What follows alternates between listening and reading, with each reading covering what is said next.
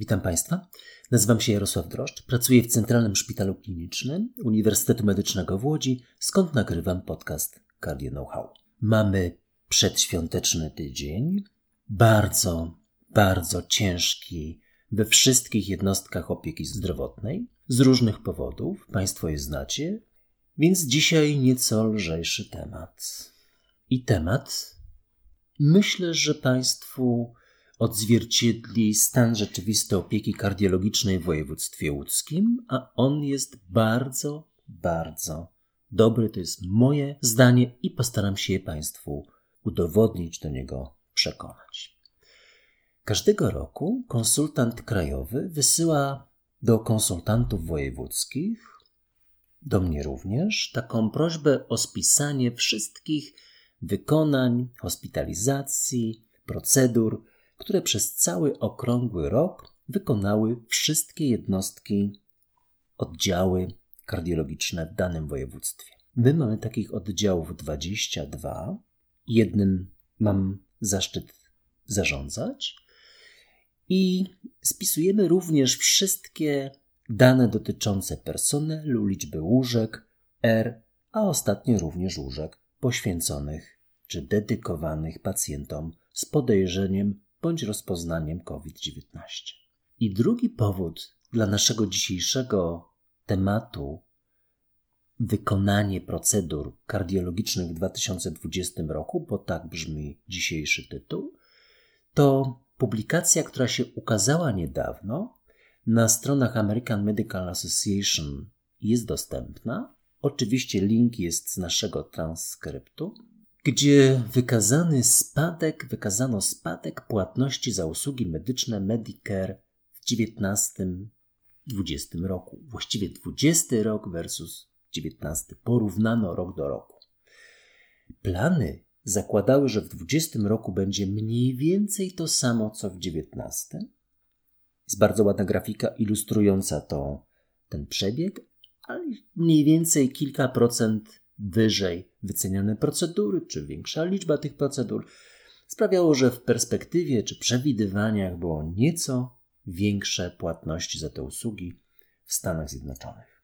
A okazało się, że mniej więcej od pierwszej dekady marca aż po analizowany koniec roku spadek sięgał nierzadko i przekraczał nierzadko 50%, i ten spadek dotyczył wszystkich specjalności. Najmniej dotknęło to nefrologów 6% w skali roku, rok do roku 20 do 19, natomiast najbardziej fizjoterapeutów 34%, y, lekarzy okulistów, dermatologów 24-29%. Kardiologia była dotknięta w sposób istotny. 19% spadku płatności za usługi kardiologiczne w 2020 roku. Amerykańscy koledzy, John Mendrola na przykład, skomentował to w ten sposób, że być może lekarze w 2020 roku zarobili za mało, a może w 2019 roku zarobili za dużo. No, żaden o zdrowych zmysłach polski włodarz zarówno tej sfery zarządzania, jak i lekarzy, nie ma nawet pomysłu, żeby tłumaczyć to w skali z polskiej perspektywy jako zbyt duże zarobki w 2019 roku, więc pozostała nam ta koncepcja zbyt małych w roku 20, ale dotyczy to, powtarzam, Ameryki, Stanów Zjednoczonych. Jak jest w Polsce i jak jest w województwie łódzkim? Po pierwsze, opieram się tu na takiej publikacji z kardiologii polskiej.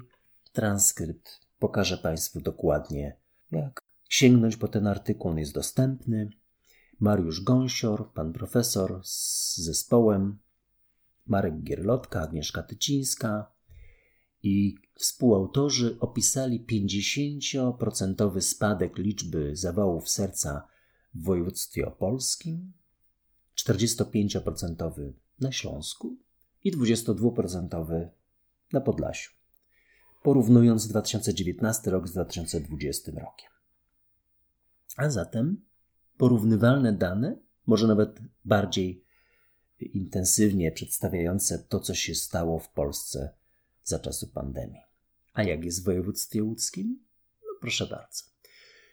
40% spadek liczby hospitalizacji. W kolejnych kwartałach widać, ta prezentacja jest również dostępna, link jest dla Państwa. Widać drugą, pierwszą falę, widać drugą falę. To jest koniec 2020 roku, więc mamy tych fal do tego czasu dwie. W mniejszym stopniu, chociaż nieznacznie mniejszym, dotyczyło to spadku koronarografii. Na przykład w czwartym kwartale również te 30 kilka, 38, 37%. A w dziedzinie angioplastyki wieńcowej ten spadek już był rzędu kilkunastu procent. A w pierwszym i trzecim kwartale wykonaliśmy więcej angioplastyk, rewaskularyzacji przez skórnych, niż średnio wychodziło to w kwartałach 2019 roku, a zatem ten odsetek spadku jest zaledwie kilkuprocentowy, jeśli chodzi o rewaskularyzację przez skórną. Jak wyglądało to w sferze zawałów serca? STEMI w pierwszym kwartale nieco więcej niż w 2019 roku, w drugim kwartale 12% mniej, w trzecim kwartale 1, 2 czy 3% mniej, w identyczna cyfra, i w czwartym kwartale mniej więcej tak jak w drugim, czyli rzędu 15% spadku y, ostrych zespołów wieńcowych z uniesieniem odcinka ST. Łącznie kilkuprocentowa redukcja. Non-STEMI spadek w granicach 30%, globalnie prawie 20%, więc mniej niż to opisuje artykuł w kardiologii polskiej na bazie innych województw. I jeśli teraz te wszystkie procedury, pominę tu elektrokardiologię, bo będzie na ten temat osobny odcinek. Jeżeli te wszystkie procedury ustawimy w takiej hierarchii, co najbardziej, a co najmniej było dotknięte przez pandemię, no to mamy tak, od najbardziej zacznijmy. Najbardziej liczba hospitalizacji, czysto liczba pacjentów, którzy przyszli, opuścili szpital w 2020 roku. Następnie zawał bez uniesienia odcinka ST. Następnie wykonane procedury diagnostyczne koronarografia. I to mniej więcej te trzy przebiegi krzywej były mniej więcej równoległe, bardzo do siebie zbliżone. Przewlekłe zespoły wieńcowe, nieco mniej dotknięte, niestabilna dławica piersiowa jeszcze mniej i na samej górze najmniej dotknięte przez pandemię w obrębie wieńcowych procedur czy ogólnych procedur poza elektrokardiologią to były zawały z uniesienia odcinka ST, jak i angioplastyki wieńcowe, czyli rewaskularyzacja przezskórna. No myślę, że to jest bardzo dobry wynik w tych trudnych czasach. Jaka liczba kardiologów była obecna i pracowała w tych 22 ośrodkach? Łącznie 228 lekarzy ze specjalizacją z kardiologii, to jest o 10% więcej niż rok, dwa, trzy lata temu. Tak mniej więcej co kilka lat mamy kilkuprocentowy wzrost. Dokładnie wynosi on 106% tej wartości z 2019 roku. To dość optymistyczny, ale za moment łyżka dziegciu. Liczba internistów mniej więcej taka sama, pozostałe specjalizacje mniej więcej takiej samej, ale niestety rezydentów o 20% mniej a tryb pozarezydencki 40% mniej. To oznacza, że może być dziura pokoleniowa w kardiologii. Nigdy bym sobie nie wyobrażał, że taka sytuacja może mieć miejsce, szczególnie, że kardiologia jest specjalnością tak dynamiczną, tak spektakularnie okraszoną sukcesami, tak ciężką wprawdzie, ale tak skuteczną w swoim wyrazie. No i teraz liczba hospitalizacji.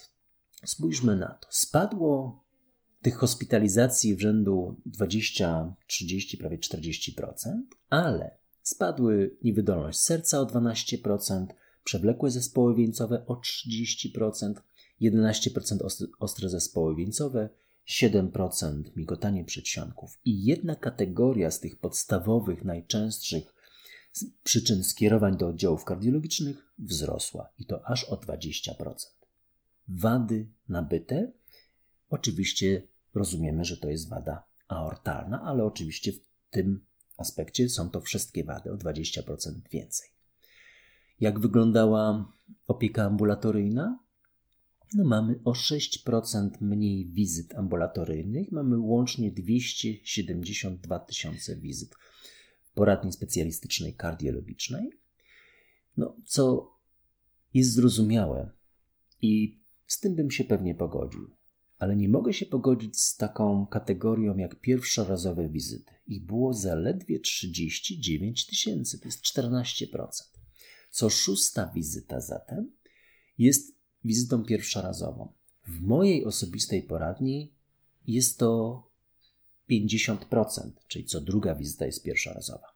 Uważam, że ta współpraca z POZ-em powinna się układać dla innych lekarzy tak samo dobrze, jak dla mnie się układa. Koledzy z POZ-u bardzo pomagają mi w bardzo wielu różnych aspektach, dlatego pacjent ustabilizowany wędruje oczywiście do nich, a nie do kardiologa na kolejną wizytę, która zdaje się być niewskazana i niepotrzebna. Ten spadek pierwszorazowych wizyt był wyższy czy większy niż spadek wszystkich wizyt o 7%. No i sięgnijmy tutaj do danych z naszej poradni. Przyjęliśmy łącznie w całej grupie lekarzy 13 500 pacjentów ponad. To jest wzrost o 2% względem 2019 roku. Pierwszorazowych było z tego 21%, teleporad 16%, 2000 teleporad.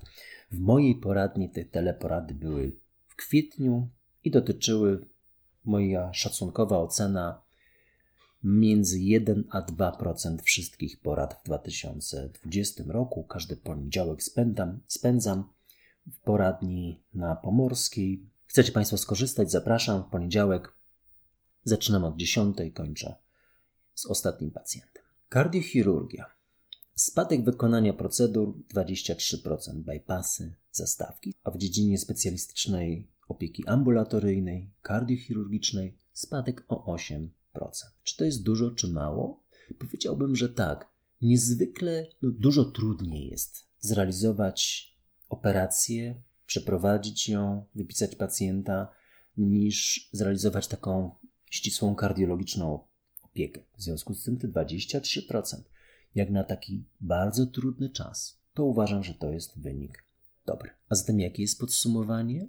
Liczby hospitalizacji i procedur w 2020 roku potwierdzają dobrą, a nawet bardzo dobrą w niektórych aspektach jakość pracy oddziałów i poradni. Pandemia nieznacznie pogorszyła opiekę kardiologiczną, nie znamy przyszłości i następstw takiego pogorszenia, ale akurat województwo łódzkie prawdopodobnie będzie przed tym chronione dzięki znakomitej współpracy i ciężkiej, naprawdę ciężkiej pracy wszystkich kolegów. Widzę, nie, widzę zdecydowanie niepokojące zjawiska zmniejszania liczby rezydentów specjalizujących się w kardiologii, zmniejszanie liczby, liczby koronografii, zabiegów rewaskularyzacji poza takimi zabiegami w ostrych zespołach wieńcowych z uniesieniem odcinka ST, redukcja liczby hospitalizacji z przyczyn pozawieńcowych, redukcja liczby zabiegów. No, widzę epidemię wad serca. Jest to kolejna epidemia po epidemii niewydolności serca, którą Państwo widzicie w pełnym rozkwicie.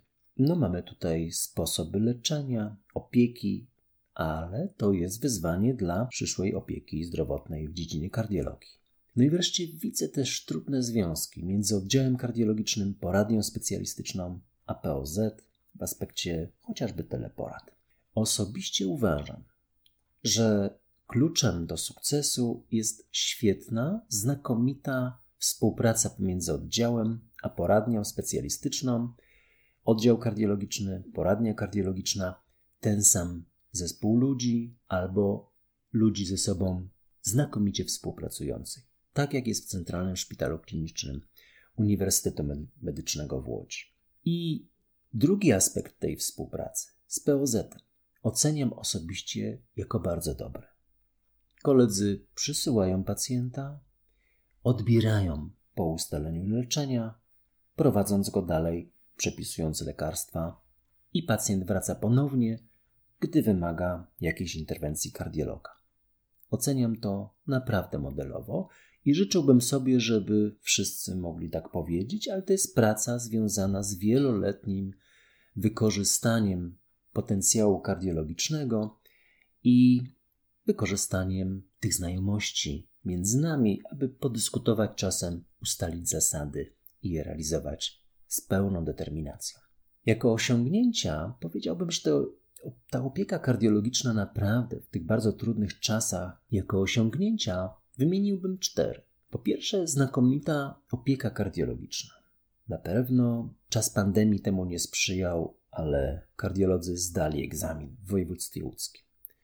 Druga sprawa, optymalne albo idealne leczenie STEMI, elektro, ale o tym będzie osobny odcinek. Mniej koronografii w przewlekłych zespołach wieńcowych. Bardzo dobre wykorzystanie tych zewnętrznych, ambulatoryjnych możliwości angio-CT, scintygrafii. Z tego się akurat bardzo cieszę, bo uważam, że każda koronografia, albo prawie każda, powinna prowadzić do rewaskularyzacji. I czwarte, świetna współpraca. Niektórzy koledzy musieli zająć się pacjentami z nową chorobą, pozostali koledzy przejęli ich pracę i działo się to płynnie z dnia na dzień w 2020 roku.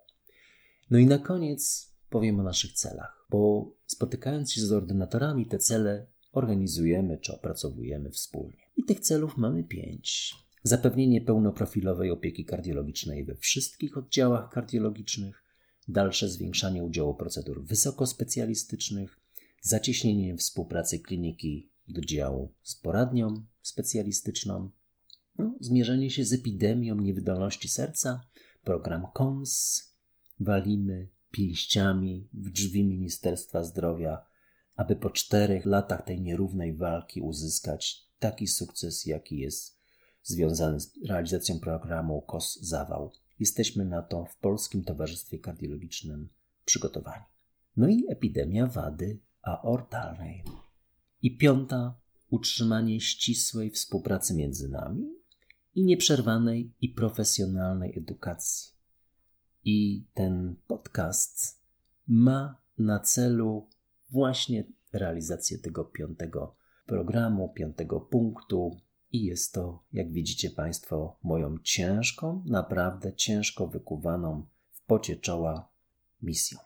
Jeżeli Państwo będziecie mieli jakieś uwagi, komentarze, pytania, kierujcie na Instagram, Facebook. Postaram się udzielić odpowiedzi, a na tych mediach mamy także głosowanie na następne tematy odcinków. Państwo wybieracie to znakomicie. Jestem zaszczycony, jeśli korzystacie z tej możliwości. I będę Państwu bardzo wdzięczny za promocję podcastu wśród innych lekarzy zdrowych i spokojnych świąt.